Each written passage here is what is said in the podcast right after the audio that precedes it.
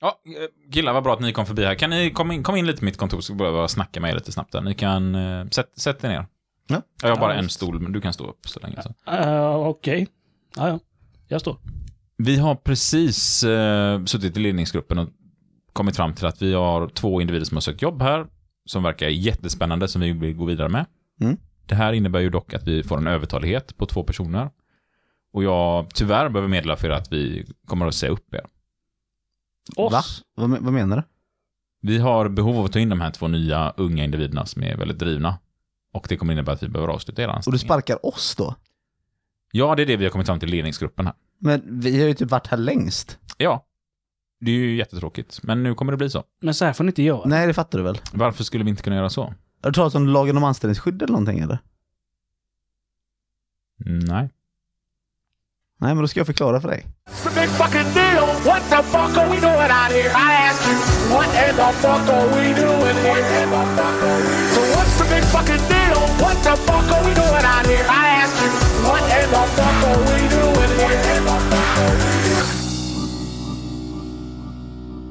Hej allihopa.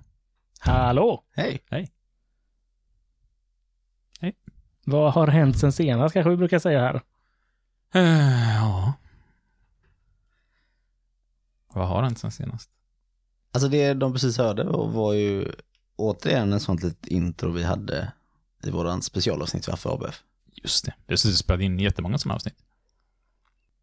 Så går man alla fackliga utbildningar och du vill Hur höra många alla de här är- introna. Ja, 12 avsnitt har vi spelat in hittills. då. Eller 13 idag. 13 med det vi gjorde Det är det nog. på, på dagen idag. Nu är det kvällen.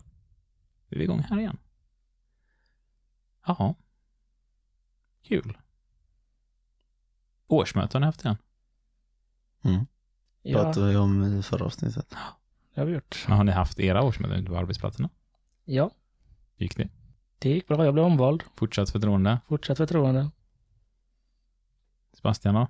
Jag har redan berättat det i förra Ja, avsnittet. det har du gjort. Du är inte, du är inte kvar. Nej, Du blev kuppad, som det heter. ja precis. Jag sa upp mig och blev, Ja.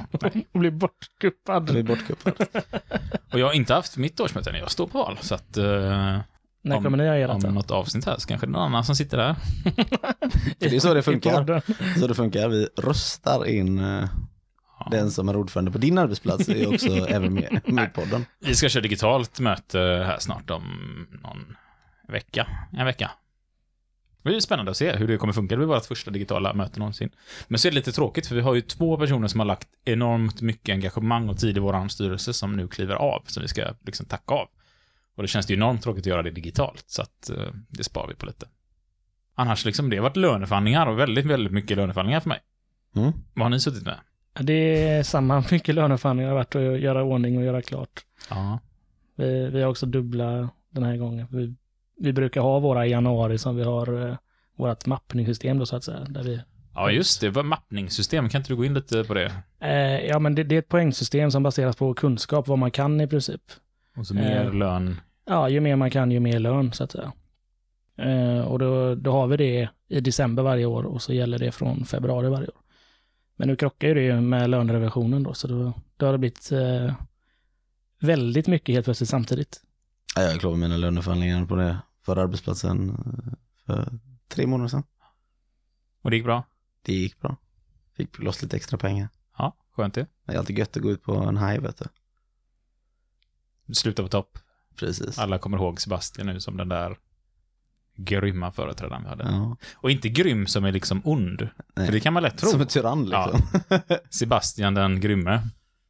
Men det är på ett bra sätt. Liksom. Mm. Ja. ja, men härligt. Idag gör vi en liten fuskis. Kan vi säga så? Mm. En rejäl fuskis. En superduperfuskis. Ja. Så mycket fuskis. Eller det är en halvfuskis får jag säga. Ja. Vi sitter ju här nu. Det gör vi. Vi spelar in det här introt. Och så kommer ni få lyssna på ungefär samma material som ABFs eh, utbildning, den podden vi släppte dit. Mm. Med lagen om anställningsskydd. Och varför gör vi så här? Det är ju för att lagen om anställningsskydd håller på att förändras kan man väl säga.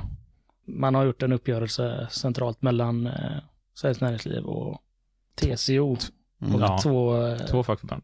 två LO-förbund. Två fackförbund säger jag. Ja, två LO-förbund. Eh, och det är IF Metall och Kommunal som har valt att gå in i de här avtalen. Och vi tänkte väl inte fastna så mycket i den diskussionen, för det kommer vi ju, som vi har utlovat innan, ha poddar längre fram. Eh, Och vi behöver sätta oss in i det, hur det här avtalet ser ut lite mer än vad vi gjort idag. Liksom, ja, vi har läst igenom det ett par gånger och sådär, Mm. men få lite mer kött på benen vad tanken är med allting och bakgrundshistoriken till allting och sådär. Så vi kör gamla LAS idag. Gamla LAS gör vi Gamla då. Idag. Det är... Ett, en historisk dokument för framtiden att spela upp för barn och barnbarn att så här var det en gång i tiden. Ja, eller så står vi här och har kvar samma LAS, för det är mycket som kan hända på riksdagsnivå här Precis. också. Exakt. Och då Det har vi sagt lite att- att... då gör vi ett nytt avsnitt där vi Ja. går på djupet i LAS. Det kan bli nyval, det kan bli allt. Så att, ja, när vi har gjort det så ska vi ha ett riktigt tungt avsnitt om LAS, lagen om anställningsskydd i alla fall. Nya LAS. Nya LAS. Kan- Eller kanske. oförändrade LAS, eller vad det blir. Eller blir det som eh, vi i Göteborg har Gamla Ullevi och så kommer det liksom... Nya Ullevi, så är det gamla nya Ullevi och nya gamla Ullevi. Ja. Och så, Så kan det bli också, det vet vi inte. Ja. Den är ju bra alltså.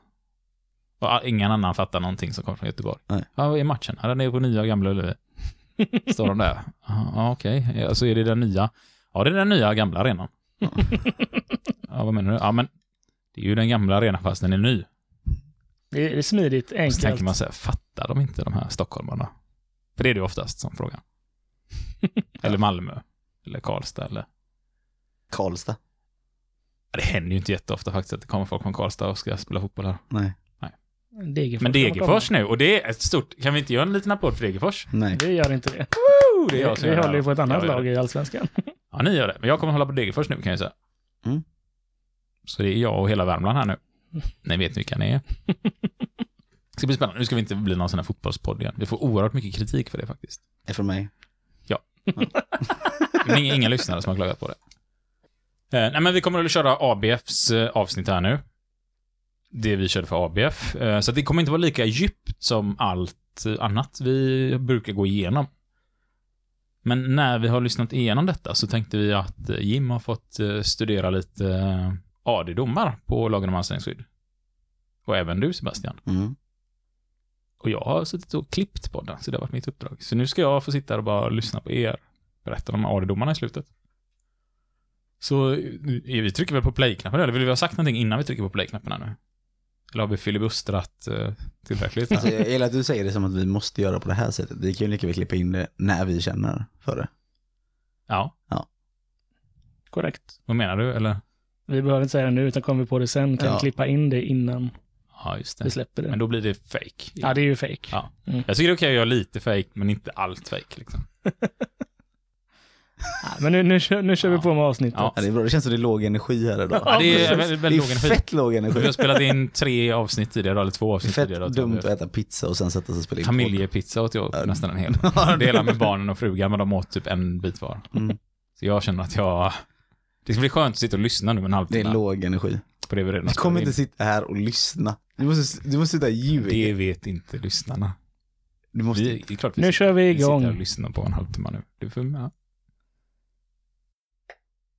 Nu gick Jim till sitt videomöte med, som börjar... Oj, nu börjar det. Han blir lite sen in till sitt videomöte. Mm. Och han är åh, nu håller jag på och tjötar och ni säger inget viktigt. Sådär. Men eh, det kanske vi inte gör. Nej.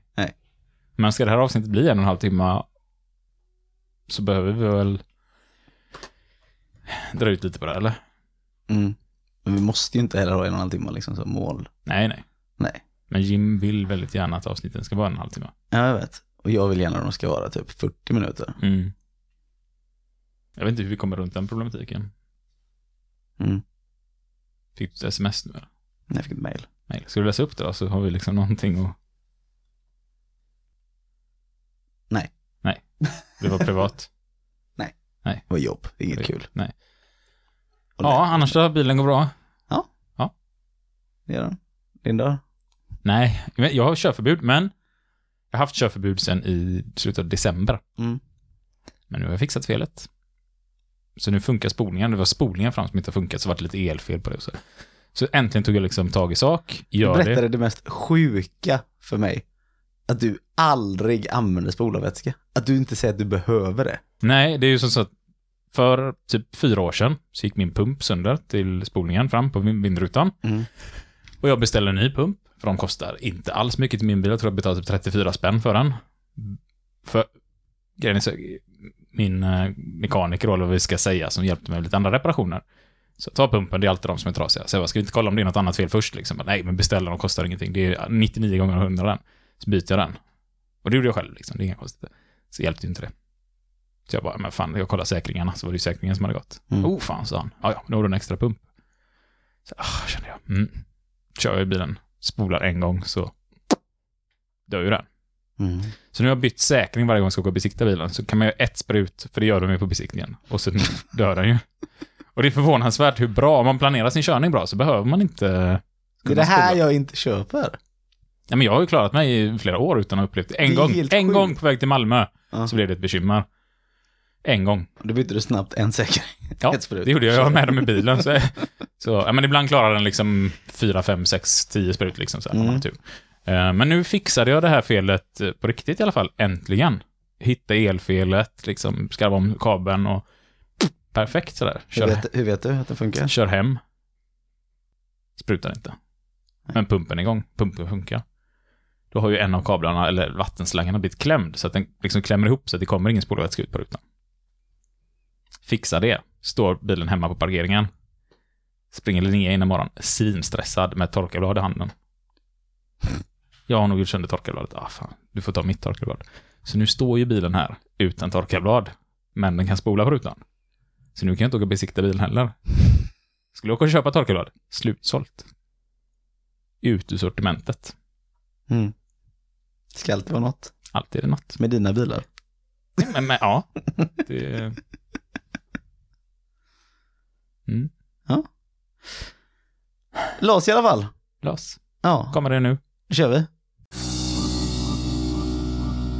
Nu ska vi prata om lagen om anställningsskydd, LAS. Och vi har ju även här gjort ett litet axplock utav de kanske mer vanligt förekommande paragraferna i lagen om anställningsskydd. Ska vi börja på paragraf 1? För det är ju alltid intressant att veta för vem gäller lagen. Ja, Arbetstagare i allmän eller enskild tjänst. Sen har vi ett par stycken den inte gäller då. Och då är det bland annat eh, arbetstagare som har anställningsvillkor som anses ha företagsledande eller jämförlig ställning. Alltså en vd, en högt uppsatt chef. Och en arbetstagare som tillhör arbetsgivarens familj är också undantagen här. och där syftar man inte på liksom att eh, det finns tio chefer över dig och den, din närmsta chefs fru liksom är anställd. Då är det inte den personen inte undantagen LAS, utan det är alltså de som kanske är på plats nummer ett i den kedjan eller vad man säger. Ja, eller ett mindre familjeföretag med Ja. två anställda familjemedlemmar. Liksom. Precis. Arbetstagare som är anställda att arbeta i arbetsgivarens hushåll är undantagna LAS också. Sen har vi även eh, de som är anställda med särskilt anställningsstöd i skyddat arbete eller i utvecklingsanställning. Och arbetstagare som är anställda i gymnasial lärlingsanställning. Och så kan det vara att man är ute på yrkespraktik och sådana grejer och har en yrkesanställning när man är Men där har vi de undantagen som finns. Eh, I övrigt så gäller ju anställningslagen för alla som arbetar i Sverige då. precis. Och då hoppar vi till paragraf 4 till 6, de olika anställningsformerna som finns. Och då har vi ju då tills vidare, som egentligen är normen. Och det är det vi Ja. brukar i folkmun kalla fast anställd. Precis. Men så heter det inte i lagen. Nej, det heter tills vidare. Det är att anställningen har för avsikt att pågå tills vidare, alltså tills något annat gäller. Sen har vi ju då visstidsanställning. Där man har bestämt eh, en tidsbegränsad anställning egentligen. Precis, den ska pågå till en, under en viss tid bara. Hit till hit. Pedagogiskt namn på den faktiskt. Ja, precis. Väldigt praktiskt. Sen har vi vikariat. Det är alltså när man är inne och ersätter någon annan som är borta tillfälligt. Och då ska det framgå, vem är det man ersätter? Man kan inte bara vara på ett allmänt vikariat. Ja, vi har anställt 40 vikarier här, säger man. Så här. Vem, vem är de vikarie för? Nej, men Det är ifall någon är borta, liksom. sjuk, liksom. det Ja. kan inte vara så. Det måste göras ett avtal på att den här personen är vikarie för den här personen. Säsongsarbete är en anställningsform också. Då pratar vi en anställning som ska pågå under ett, en säsong. Alltså det kan vara sommarsäsong eller skidåkningssäsong, vintersäsong eller något sånt där. Precis. Då har man tagit fram en speciell anställningsform av det. Ja, det är inte så många livvakter på stränderna i november. Nej, Nej, är det det är- badvakter du tänker på kanske? Eller? ja, livvakterna kanske är där och har semester och badar Så kan det i vara. september. För att de jobbar ju hårt under sommaren kanske. Ja. ja. Över 67 Då har man särskild anställning. Precis. Och det är om man får, för det är inte, alla har inte rätten att jobba efter 67 år. Och det här kan ju förändras med åren med, i och med att man tittar på ökade pensionsåldrar och så. Precis. Slutligen har vi, Provanställning. Alltså att man ska testa ett jobb i högst sex månader. Icke att förblandas med provjobbning som eh, vissa företag försöker hitta på att man ska jobba gratis i några dagar. Nej, det finns ju inte på riktigt något som kallas provjobb. Nej, alltså precis. i lagen finns inte det. Utan provanställning är ju att man, man påbörjar ett arbete och så har man egentligen en ömsesidig chans på sig att se om man funkar för jobbet. Och den här övergår ju automatiskt efter sex månader till en tillsvidareanställning. Det är det ja, som är för lite grejen. syftet med den är att det är en tillsvidareanställning, men man har möjlighet första halvåret att avsluta den. Ja. Upp till ett halvår kan man säga. Och, och det här är de anställningarna som, som finns reglerat i lag. Notera och se, det finns ingen solskensvakt för glassförsäljare eller sådana här sommarjobb. Det finns ingen provjobb där man ska jobba gratis en period. Det finns inga sms-anställd, timanställd vi tittar på, utan de är ju egentligen någon form av anställning. Det kan vara ett visst tid eller ett vikariat eller vad det nu än är, men det ska framgå. Och det finns ingen sådana hittepå anställningar annat än de vi precis läst upp. Men nu är det ju så att det finns ju också regler för hur länge man får vara visstidsanställd och hur länge man får vara vikarie. Precis. Exempelvis en vikarie övergår går ju automatiskt till en tillsvidareanställning om man har varit hos ar- arbetsgivaren i sammanlagt mer än två år under en femårsperiod. Likså en eh, visstidsanställning. Här kan man ju dock säga att ni får eh, kolla kanske en extra blänkare i ert kollektivavtal, för det kan finnas annorlunda regler där för hur det fungerar med visstidsanställningar, hur länge man får vara visstidsanställd Ja, en hel del kollektivavtal har ju ettårsgräns. Och en hel del avtal har avreglerat vissa av de här grejerna att det inte finns i avtalet, att man kan vara provanställd eller viss tid, utan det kan vara tills vidare som en norm och sånt. Så att det får ni kolla i ert kollektivavtal för att det inte bara ska gå på vad lagen säger i det här meningen. Hoppar vi lite längre in i lagen om anställningsskydd här nu till paragraf 6b, så är det en sån paragraf som jag tänkte när jag började engagera mig fackligt, den här kommer jag aldrig ha användning för, men aj, aj, aj vad jag har haft användning för den här paragrafen kan jag säga sen dess, det skrattar ni lite åt här, men eh, det, vi pratar då om vid övergång av ett företag, övertagande av verksamhet, Ja. paragraf 6b i LAS. Och den reglerar som så att om ett bolag köper upp ett annat bolag, då följer anställningstryggheten med till det nya bolaget. Och alla sina rättigheter, alltså anställningsvillkoren, följer med i minst ett år är de skyddade. Så det vill säga att de lönerna jag har med mig från det bolaget jag jobbar på innan, de är skyddade under ett år. Sen ska man implementeras in i de lönesystemen som finns i det nya bolaget. bland. Det vill säga att man har rätt att följa med om ditt företag blir uppköpt av ett annat. Och då följer även anställningstiden med och allt sånt där som man har haft i det tidigare bolaget. Och den har vi skyddat oss väldigt mycket. Och det här är en sån del av lagen vi har fått med från EU-lagstiftningen. Ja, så det betyder alltså även om ditt företag flyttar utomlands har du rätt att följa med. Ja, men så är det ju absolut också. Det är mindre vanligt att svenskar, kanske när en- ett företag flyttar till Östeuropa eller något sånt där, att man följer med dit kanske. Men vi har möjligheten att göra det. Paragraf 6c. Skriftligt anställningsavtal med villkor för anställningen. Ja, det här finns ju också med i LAS, och det här är en sån grej man tänker på att det är en självklarhet, men det är det absolut inte.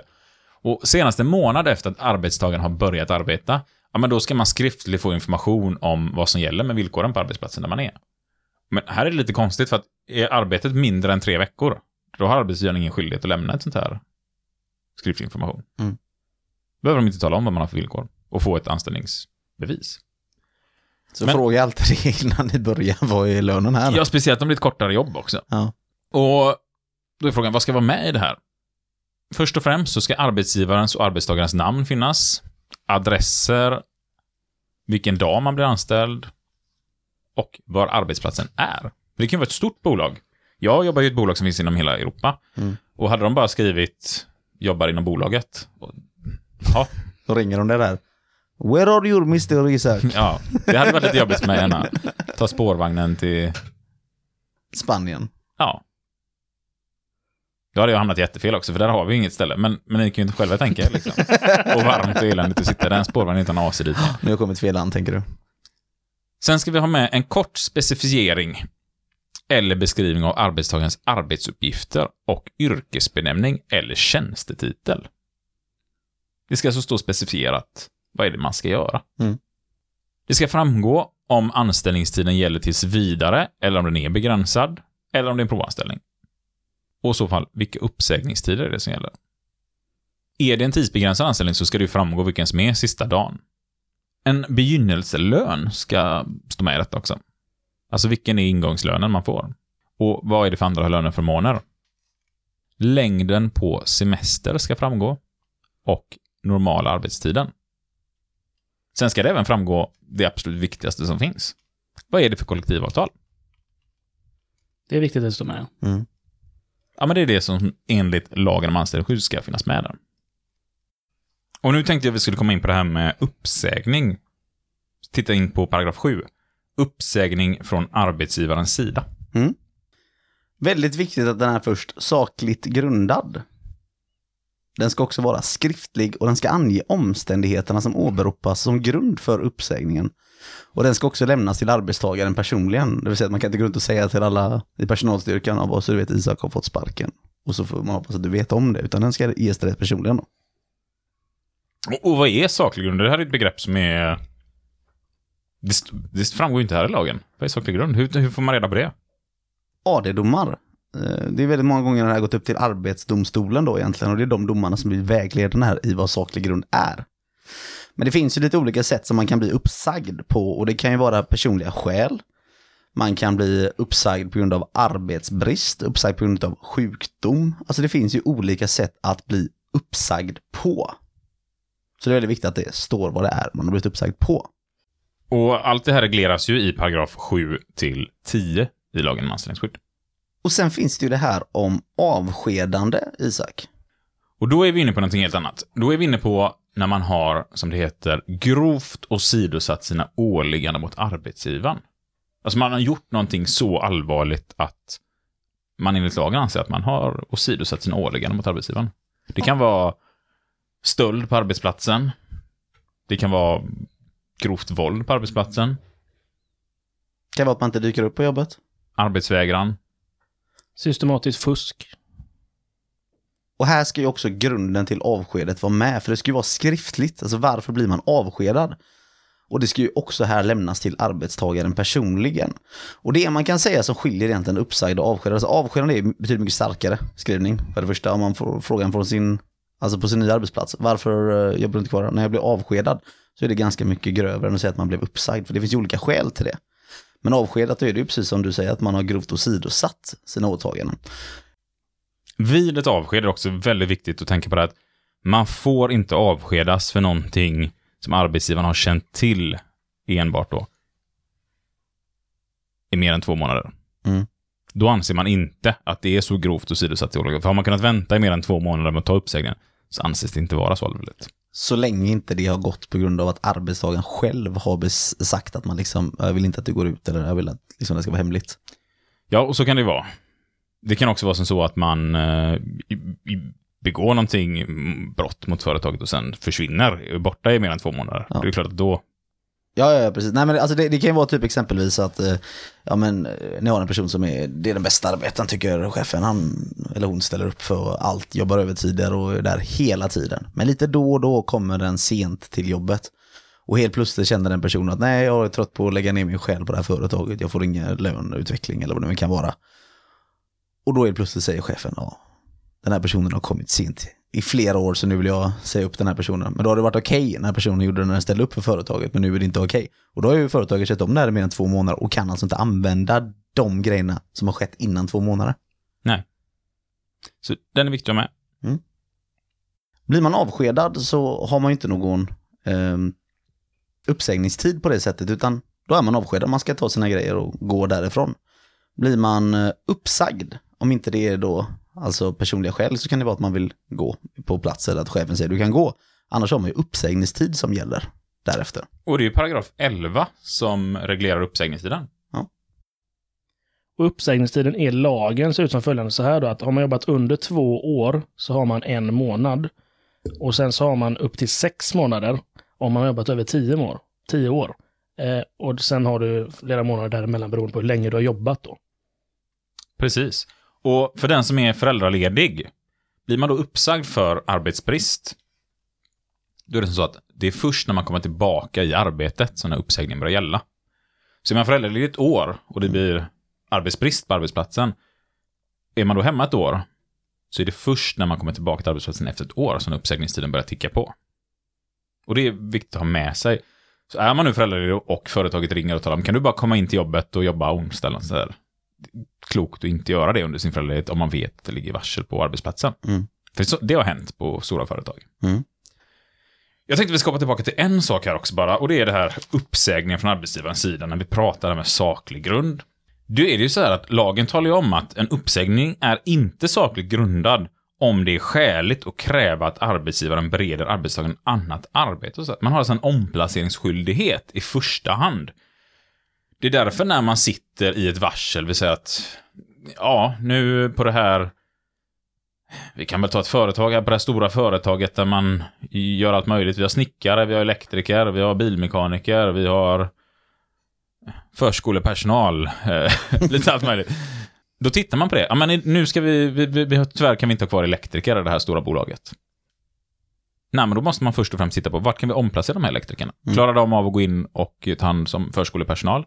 Ja, det är kanske osannolikt om man inte har någon sån form av grundutbildning i botten. Men klarar de in att göra vårt enkla monteringsarbete som vi har? Ja, men det gör de absolut. Då ska inte de bli uppsagda för arbetsbrist, utan då har de rätt att kliva in och ta de jobben.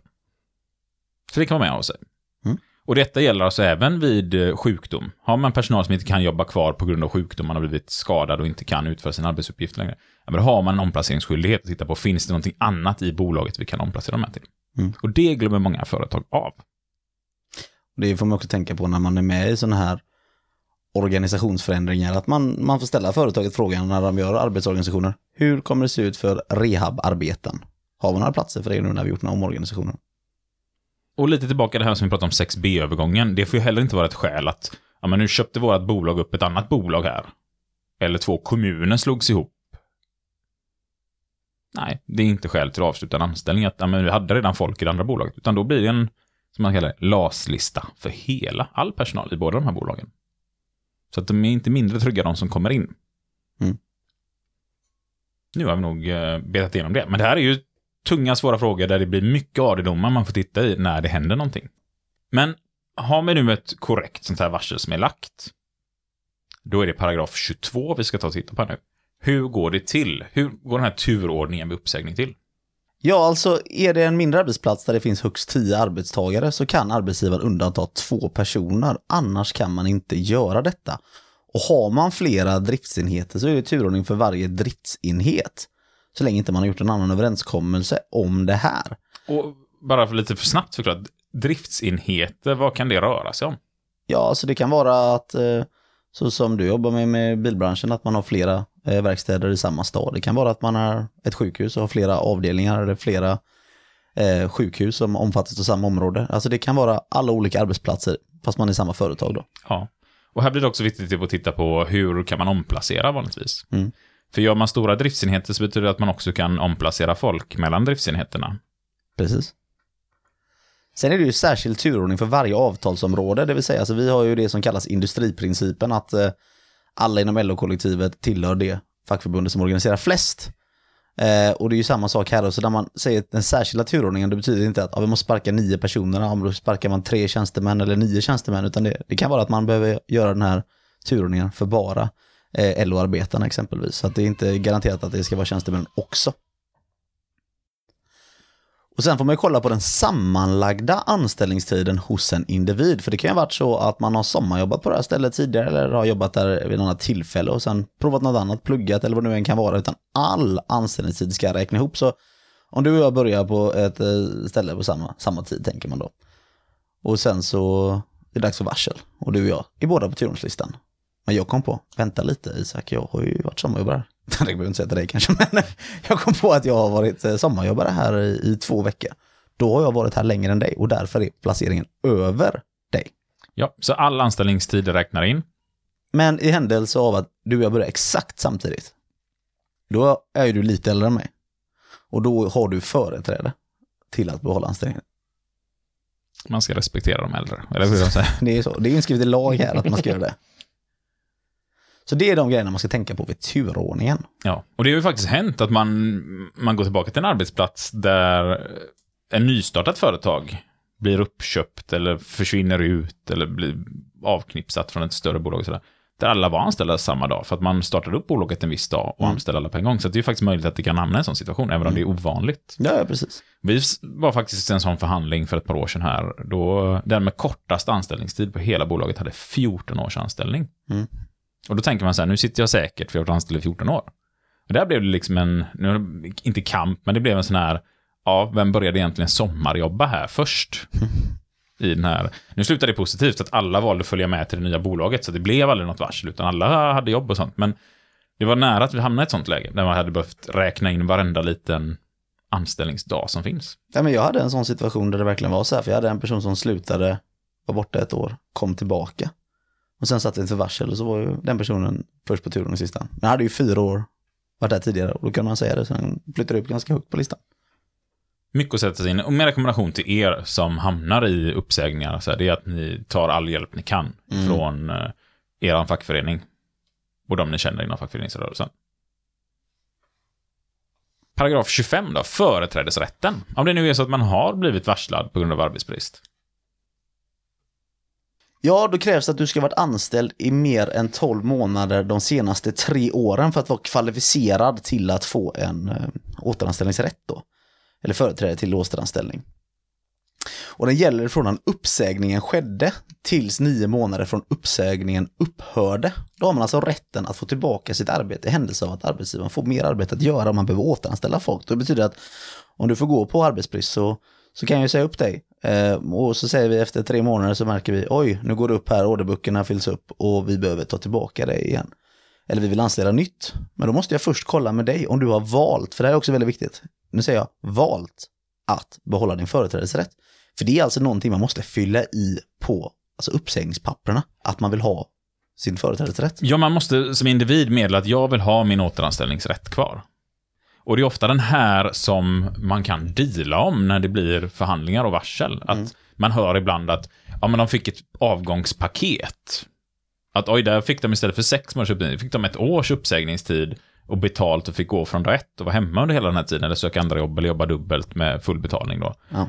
Eh, Och så tänker man, varför fick de det på det stället men inte det andra? Men det kan vara exempelvis att man har förhandlat bort sin återanställningsrätt. Att de har gått med på att, ja men, ja, den väljer jag inte.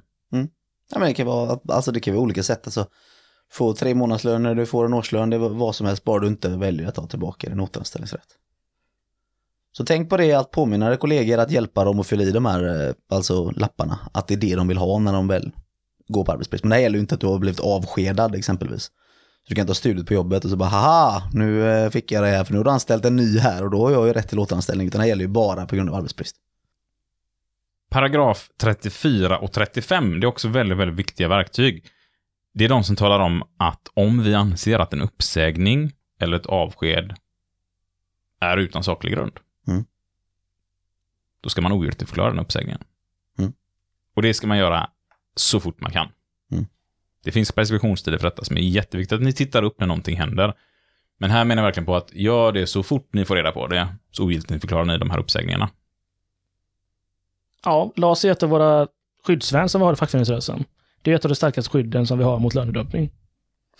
Ja, och jag skulle vilja skicka med, alltså just LAS när det kommer till uppsägningar och sånt, att man kan inte bara läsa i lagen om anställningsskydd, utan här är så mycket större att tänka på när det gäller exempelvis en arbetsbrist. Alltså det ska förhandlas först, eh, först om hur omorganisationen ska se ut, hur många som ska göra, och man ska vara med och prata med skyddsorganisationen och göra riskbedömningar på hur ska arbetet utföras efteråt, innan man fastställer hur många personer som ska få gå. Så Gör inte det här på en sittning, utan här, det här krävs eftertanke och prata med någon som vet och kan det här om ni känner er osäkra. För låt inte bara arbetsgivaren säga ja, vi behöver sparka tio personer, punkt. Utan då får man kolla på hur ska arbetsplatsen se ut efteråt och hur kommer arbetet funka. Och se till att ni verkligen tar hjälp av hela skyddsorganisationen. Förhoppningsvis så har ni redan ett starkt samarbete skyddsorganisation och facklig organisation på arbetsplatsen. Mm. Det brukar fungera bäst då. Och tycker ni det var kul att lära er om den här lagen så lyssna gärna på våran podd om ni vill lära er mer tips och tricks om hur man blir en bra förtroendevald och lagkunnig. Och det här var denna avsnittet. Det var Ja. för den här gången. På återhörande. Ha det fint! Ha det gött. Nej. Ja, men det där var specialavsnittet som vi gjorde för ABF. Mm. Lite omklippt. Mm. Inte deras fräcka musik och såna här grejer, men... eh, Och nu har vi suttit här och lyssnat på det då. Ja. i exakt den korrekta längden som det avsnittet var. Ja. Vad tyckte du var bäst med avsnittet? Ja, många saker. Alltså det, det finns mycket att ta upp just det här avsnittet som vi precis har suttit här och lyssnat på. Ja, om du väljer ut en av de här grejerna specifikt, liksom, som du... Om jag skulle, då är det ju en grej faktiskt som, som var väldigt Ja, viktig för mig. kan du berätta lite om den? Nej, alltså den är nog, eh, nej men den, den, den vill jag ha för mig själv, det är lite för privat. Det är så personligt liksom. Ja. Du då Isak, är det någonting särskilt du skulle vilja lyssna men jag tänker väl framför allt på de djupa diskussionerna i början där. i början? Ja, Någon specifik diskussion du tänker på då? jag tycker att det är någonstans det specifika är att allting hänger ihop. Liksom, så att man inte riktigt kan plocka ut något specifikt, utan att det är liksom paketet i sig som, eh, Som är viktigt. som är liksom. viktigt här. Mm. Nu när vi har lyssnat på det. Mm, har vi precis suttit och lyssnat på det. Precis gjort 30 det. minuter, det var korrekta längden som det. Mm, ja, med cirkus. Ja. Mm. Har vi gjort. Mm. Och under den här tiden så brukar vi säga att eh, ni lyssnare har inte gjort någonting. De har ju faktiskt lyssnat. lyssnat och det har vi också gjort. Så Det har är vi samma. vi har gjort exakt villkor. samma, Vi har ja. exakt samma som jag ska lyssna nu. Ja. Och så. Och eh, mm, det är fredag. Det är det lite fredagsfeeling. Jag vet inte, det är lite låg energi fortfarande. Väldigt låg energi fortfarande. Vi är trötta Nu har det ju gått den korrekta längden som ABF-avsnittet Ja. var på emellan. pizzan. Så att vi bör egentligen ha fått Nu är vi energi. inte längre matkomma, utan nu är vi pigga igen. Ja. Är vi. Och eh, kaffe och så. Mm. Mm. Kaffe Eh, men vi skulle prata om någonting annat nu. Nu ska vi inte prata mer om avsnittet i Ja. sig. Utan det här var ju inte alla paragrafer i LAS, utan lite ett utblock lite sådär. Mm. Eh, vi kommer komma in på djupare LAS-avsnitt när vi vet lite mer om vad som kommer hända med lagen om anställningsskydd. Mm. När vi vet hur allting där kommer utveckla sig. För än så länge är det ju bara ett avtal. ja, man som inte ju- gäller överallt heller. Nej, så, att, man får ju eh, se lite hur det artar sig liksom i, från politiska hållet sen. Så vi följer det med spänning. Sen har vi också sagt att vi skulle spela in ett avsnitt om LAS med Andra Kammaren, podcasten. Mm. Som tyvärr på grund av coronarestriktioner så har inte vi kunnat resa varken upp eller ner till varandra alls. Men det avsnittet kanske kommer någon gång om man får börja resa igen i framtiden. Ja, absolut. Hur gammal är du Sebastian idag? 29. Mm. Du fyller 30 på söndag. Det gör jag. Jag har lagt in fel i min almanacka, lördag. Så det har varit pinsamt för mig att ringa dig gärna. Grattis, grattis. Och du så här, ja det är imorgon, Isak. Jag uppskattar ju när folk gör det. Ja. Jag och en annan polare har en sån liten grej. För den gången jag faktiskt eh, glömde av hans födelsedag. Ja. Så det har blivit lite grej igen. Förr i tiden var det så här, då började vi med att man skulle ringa först. Man satte klockan liksom. Alltså man var tvungen att ha sovit lite. Så det blir som, man kunde inte bara ringa typ en minut över tolv och bara grattis liksom. Det funkar inte, utan man var tvungen att ha sovit lite.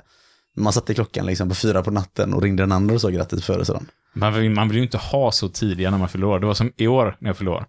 Så ringde min pappa, hans fru och så mina småsyskon tror jag. Eller om det var katten eller något. Jag hörde inte riktigt. Så ringde de så här, du vet, åtta en söndag morgon. Just min dag när jag får sovmorgon och inte behöver gå upp med barnen liksom Mm. då. Så ringer de och väcker. Och så jag svarar, du vet, så här, du vet, halvt sovande. Vad fan är det här? Och så sitter headsetet i telefonen. Men det fattar inte jag. Så jag tar ju telefonen mot öronen liksom. Och så hör jag bara jättetyst från golvet eller så här. "Eh", Du vet, jättetyst, det går inte att höra vad det är liksom. Fan, det där trycker volymen upp liksom. Så, här, så hör jag, hör, det blir liksom bara låter jättekonstigt. Jag sprängde ju de här hörlurarna liksom. Då har jag höjt max.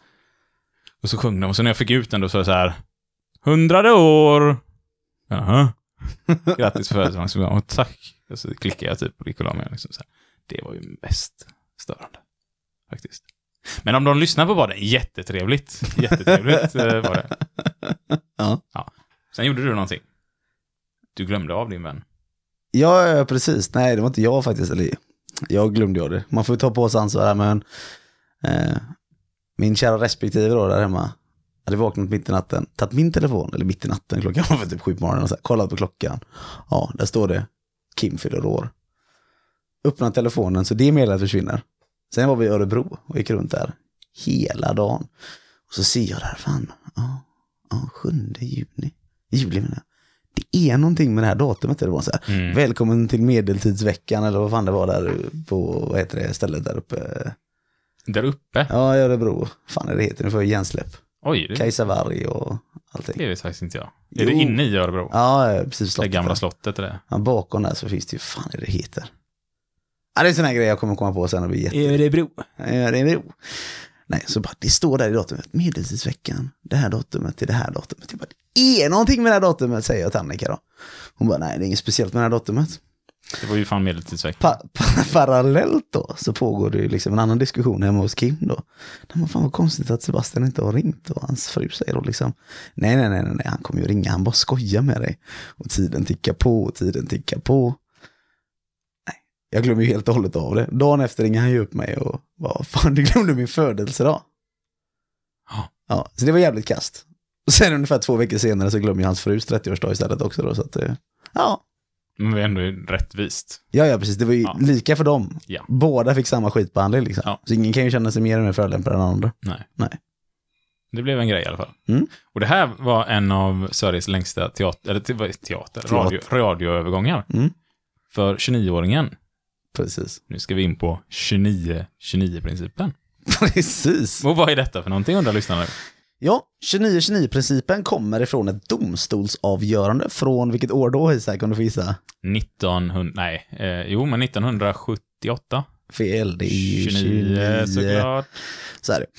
Och där skapar egentligen en princip för tolkning av kollektivavtal. Men på... är det nummer 29? 1929? Ja. Det var den 29 ja, domstolsförhandlingen där. Och det är egentligen om ett kollektivavtal, alltså hur man ska tolka det och beträffande en arbetstagares arbetsskyldighet egentligen. Och egentligen handlar den här tvisten om huruvida arbetare på pappersbruk var skyldiga att utföra ombyggnadsarbeten på arbetsgivarens anläggningar. Var det Pappers som drev den här frågan då kanske? För de har vi inte haft med i podden än. Pappers, Fackförbundet Pappers. du menar någon från Pappers eller? Det är fackförbundet Pappers. Att vi inte har nämnt Pappers eller? Men vi har inte haft med någon från Pappers i den här podden. Nej, men vi har inte haft med någon från... eh, Nej, det är massa förbund, men det är kul att uppmärksamma att nu är det ett, ytterligare ett fackförbund. Ja, okej. Ja, ja. Så tänkte jag. Då förstår jag. Jag tänkte bara, mm. Nej, det är många vi inte har med för många. Nej, nej, nej, vi ska ha med massa gäster. Så fort coronan släpper så vi får träffa folk. Det är ju perfekt att skapa en podcast mitt när pandemin startar. Ja. Så man verkligen inte får träffa någon. Nej. Men å Men andra så- sidan, vi har haft mer tid än vad vi brukar ha. Nej, Jo, det är det vi har. Men vi har fortfarande alldeles för lite tid. okej. så det är så här livet egentligen skulle kunna vara. Ja. Okej, ja, vad bra. Tvisten handlar i alla fall om arbetsgivare i pappersbruk var skyldiga att utföra ombyggnadsarbete på arbetsgivarens anläggningar. Och lite om det här då är, är det en skyldighet att göra det liksom? Om du inte är anställd som det? Men vad, vad menar man med ombyggnadsarbete? Att man ska renovera om en lokal? Liksom? Ja, ja, precis. De skulle bygga om och renovera på en lokal och de var liksom inte anställda som det, så tyckte de. Och då behövde de inte utföra det arbetet. Och då får man ställa sig frågan, är det här liksom en grej som du dyker, eller dyker på, på din arbetsplats? Ja, det, det har hänt. Det hände mig min första sommarjobb tror jag, på där jag jobbar nu. Mm. Som bilplåtslagare, eh, inkallad och så, så frågade de, vill du sommarjobba? Eller om jag frågar. Så, ja visst, vi löser det. När jag kom, ja men vi kommer ha stängt den här veckan. Men då var det jag och en till som ändå ville jobba. Mm. Då fick vi måla om lokalerna och fixa lite med ventilation och sådana grejer. Mm. Och det tyckte jag ju bara var jättepositivt, för jag ville ju ha ett sommarjobb liksom. Ja, det var ju kanon. Ja, men det är ju säkert många som tycker det är helt okej. Och det, det säger ju den här lagen att det faktiskt är, egentligen, om man ska säga så. Jag är ju ganska vanlig med den här liksom att, nej men jag tycker inte städa, jag är inte anställd som städare. Ja. Vad är du anställd som då, säger jag alltid. Nej men jag är anställd som montör. Ja, det är du. Men du är anställd inom ett kollektiv som vi brukar säga då egentligen. För det här är egentligen kopplat väldigt mycket till arbetare, men den omfattar även tjänstemän. Men det är ju så att man är ju ändå så arbetsskyldighet och det man säger egentligen att Alltså, man är skyldig att utföra arbete som står i naturligt samband med arbetsgivarens verksamhet eller som faller inom ramen för arbetstagarens naturliga yrkeskvalifikationer. Det är egentligen det den här domen säger. Och där är alltså vara tillämplig både på arbetare och tjänstemannaområden.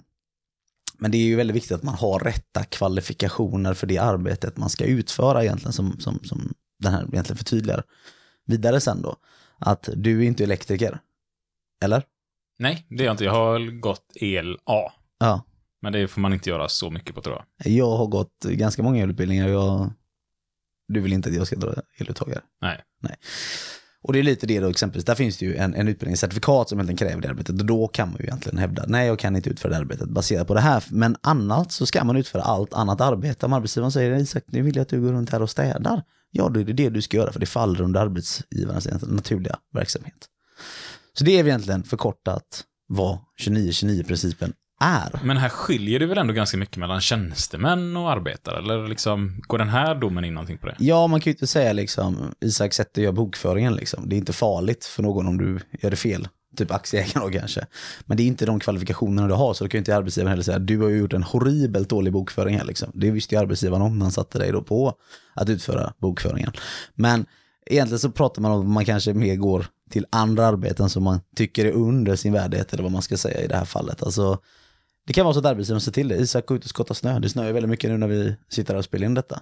Ja, så säger du nej, jag är inte här som någon jävla eh, Snöplogare? snöplogare liksom. Ja, då, kan, då har du egentligen, vad får man tänka här då? Är det kallt ute? Ja. Då har man ju rätt enligt eh, arbetsmiljölagen liksom, lagen då, till den skyddsutrustning som behövs för att du ska skyddas från kylan egentligen. Sen är det bara ut och skotta, dag ut och dag in. Men, får man vara väldigt noga, arbetsgivaren kan ju inte säga liksom, Isak, kan du gå hem och tvätta min bil eller städa lite hemma hos mig?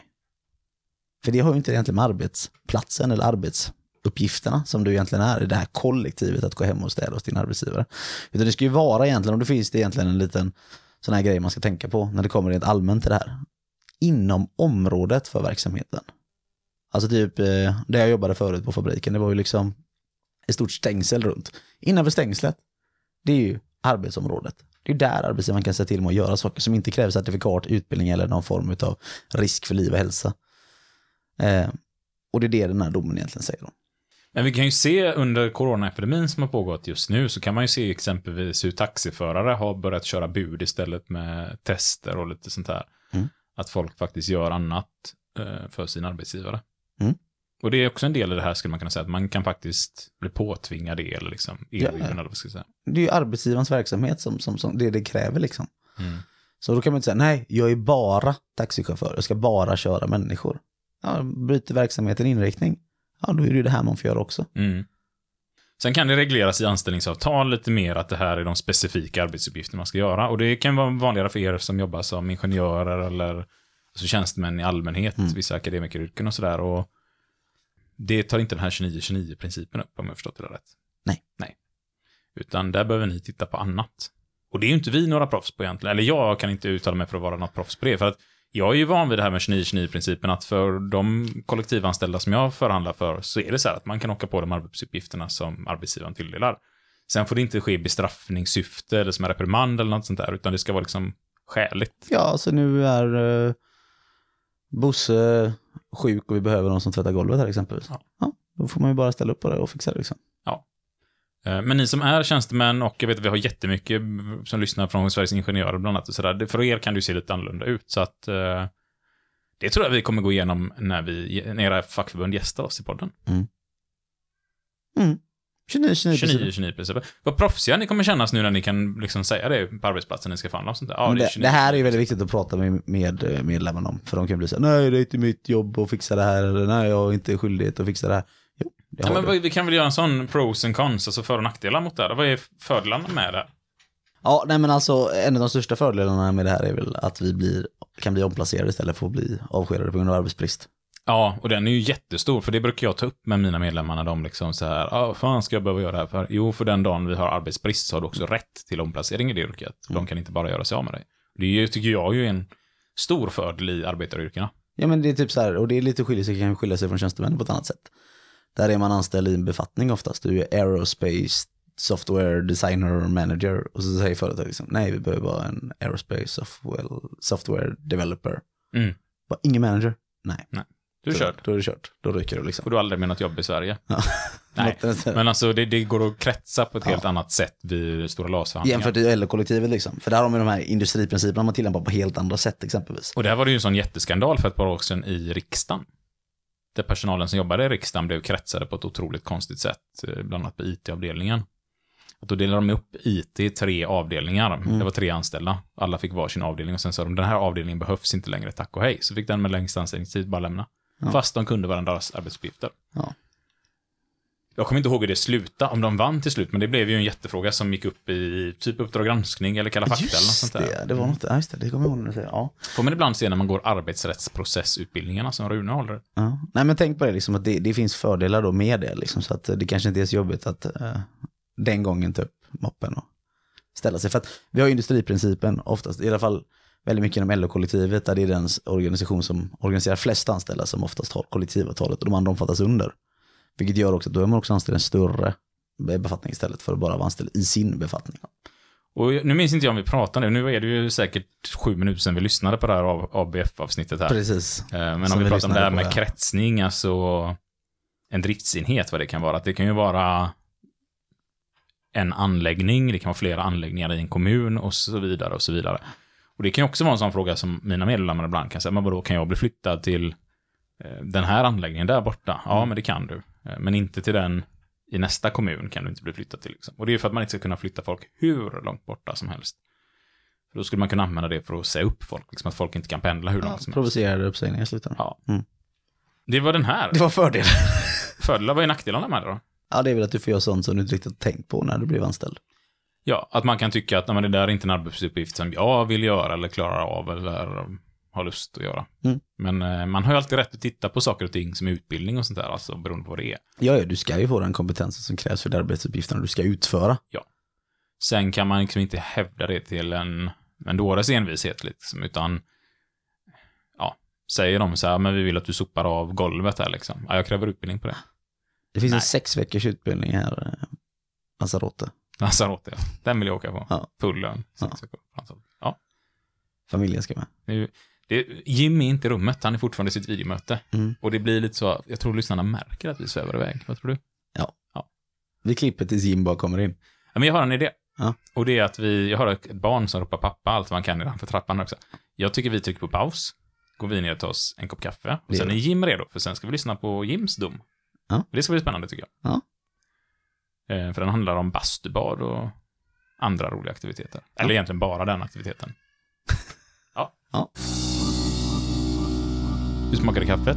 Gott. Hur gick din förhandling? Mycket bättre än förväntat, så jag är nöjd. Inte krig? Ingen krig, vi slapp det. Jag var beredd att gå in och ha krig. Men Ja. det, det slapp vi. Billigt talat eller? Eh, Ja, alltså jag hade inte tänkt att skjuta någon på något Nej. sätt.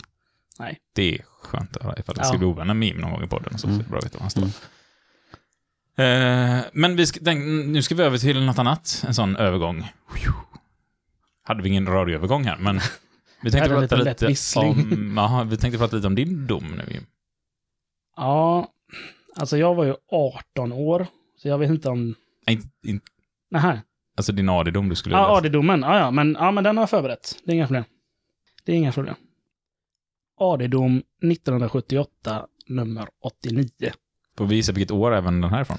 Ja, det, det får ni jättegärna göra om ni vill. Eh, 1978 säger jag då. Vill, vill Sebbe också Jag gissa? tenderar att hålla med Isak, men eh, 72. Men 72. För att...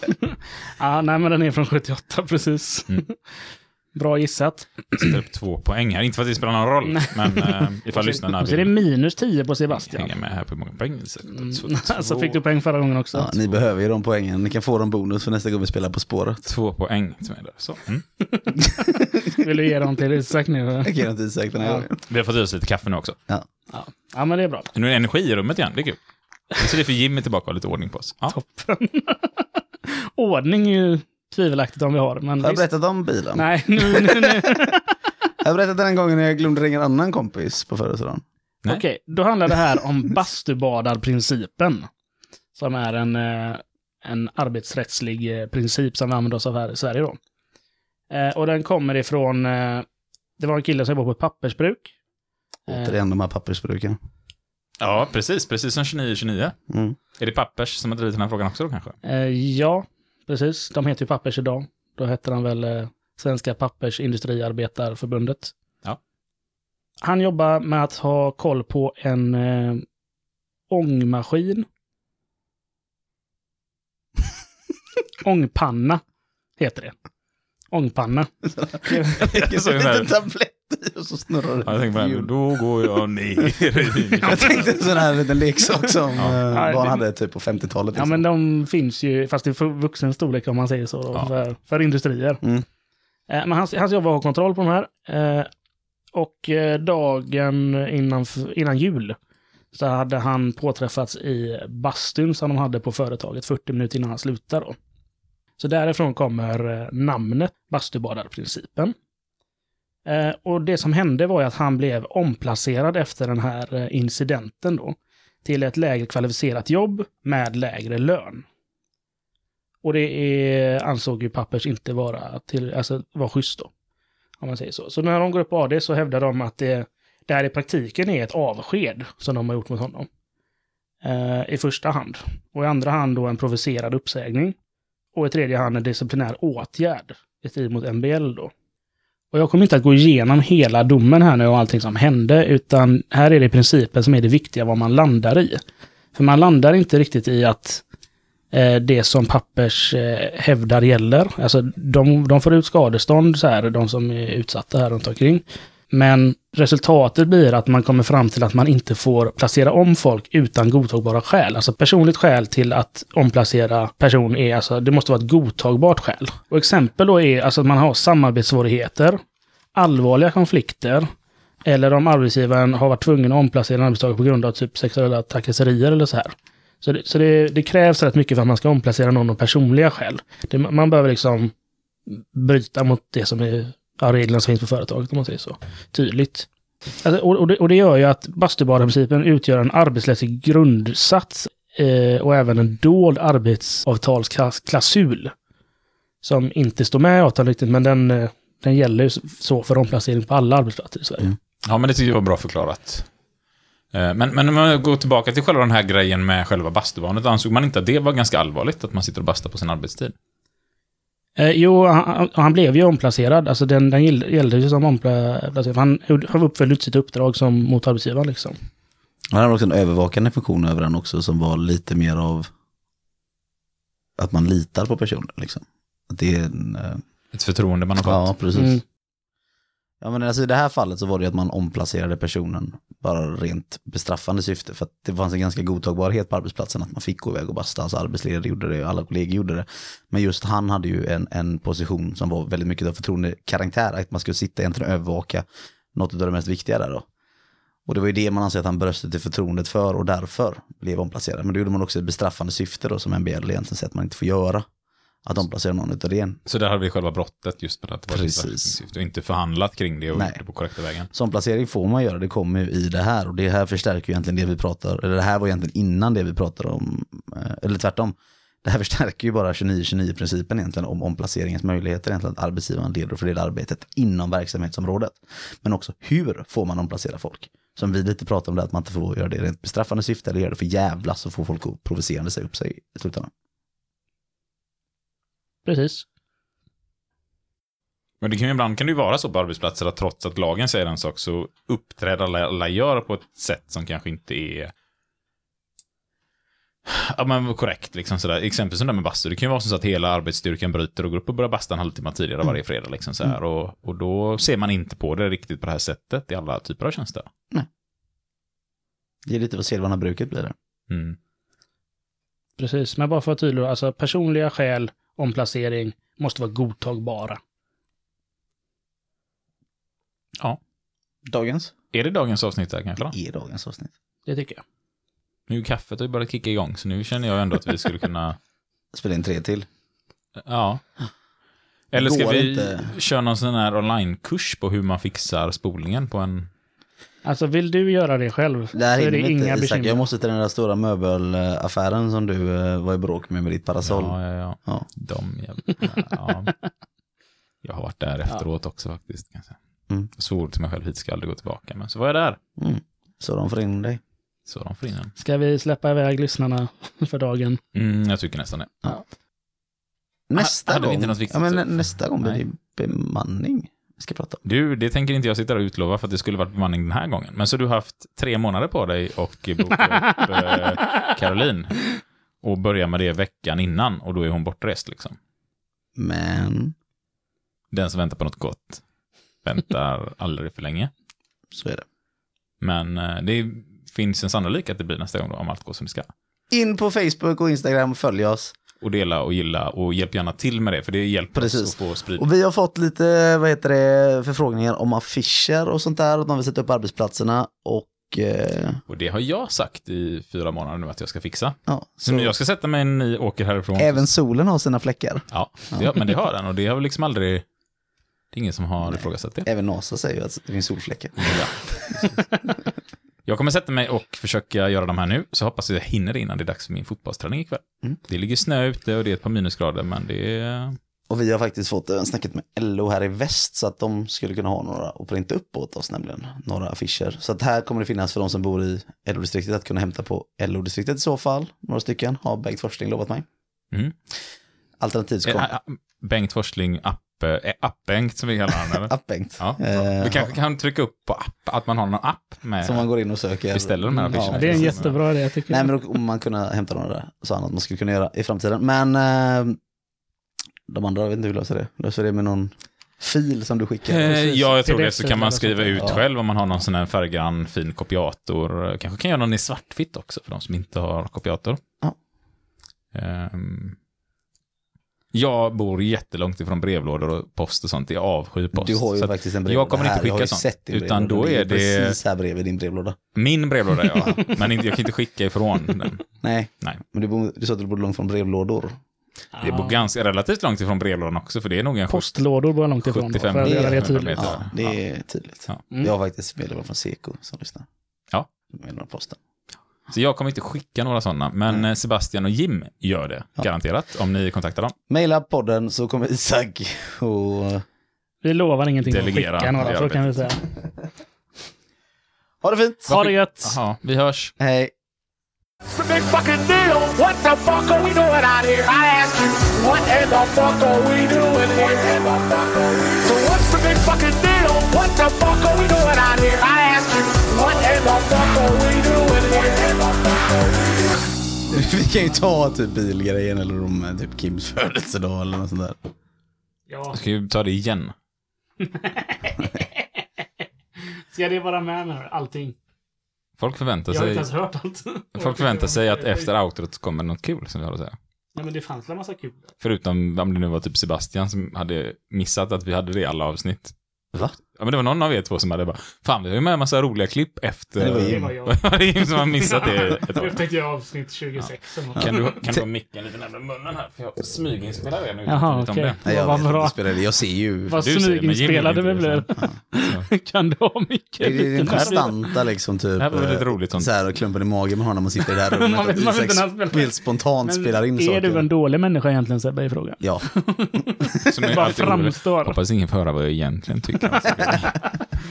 Nej, jag känner det. Direkt när vi stänger av micken så hör man Sebbe så här, åh fy fan.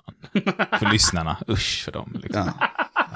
Det är så det går till, gott folk. Nu har ni det på band. Mm. Bindande bevis. Vinnande bevis. Bindande Bindande bevis. bevis. Vad Är det någonting rättsligt bindande bevis verkligen? De säger det i alla filmer. Det här är bindande bevis. Nej, Du kan inte bara använda det ordet. men det kan vara tråd. Jag Jim är faktiskt jurister. Du kan inte bara använda de orden hur du känner och Det är behagar. Det är ju för fan ett rep. Det är bindande bevis liksom. Nej, nu ska jag och Jim åka till Ikea. Så nu Nej, nej, nej, nej, nej, nej, nej, nej, nej. Ni ska åka till ett större möbelvaruhus. Precis. Hej!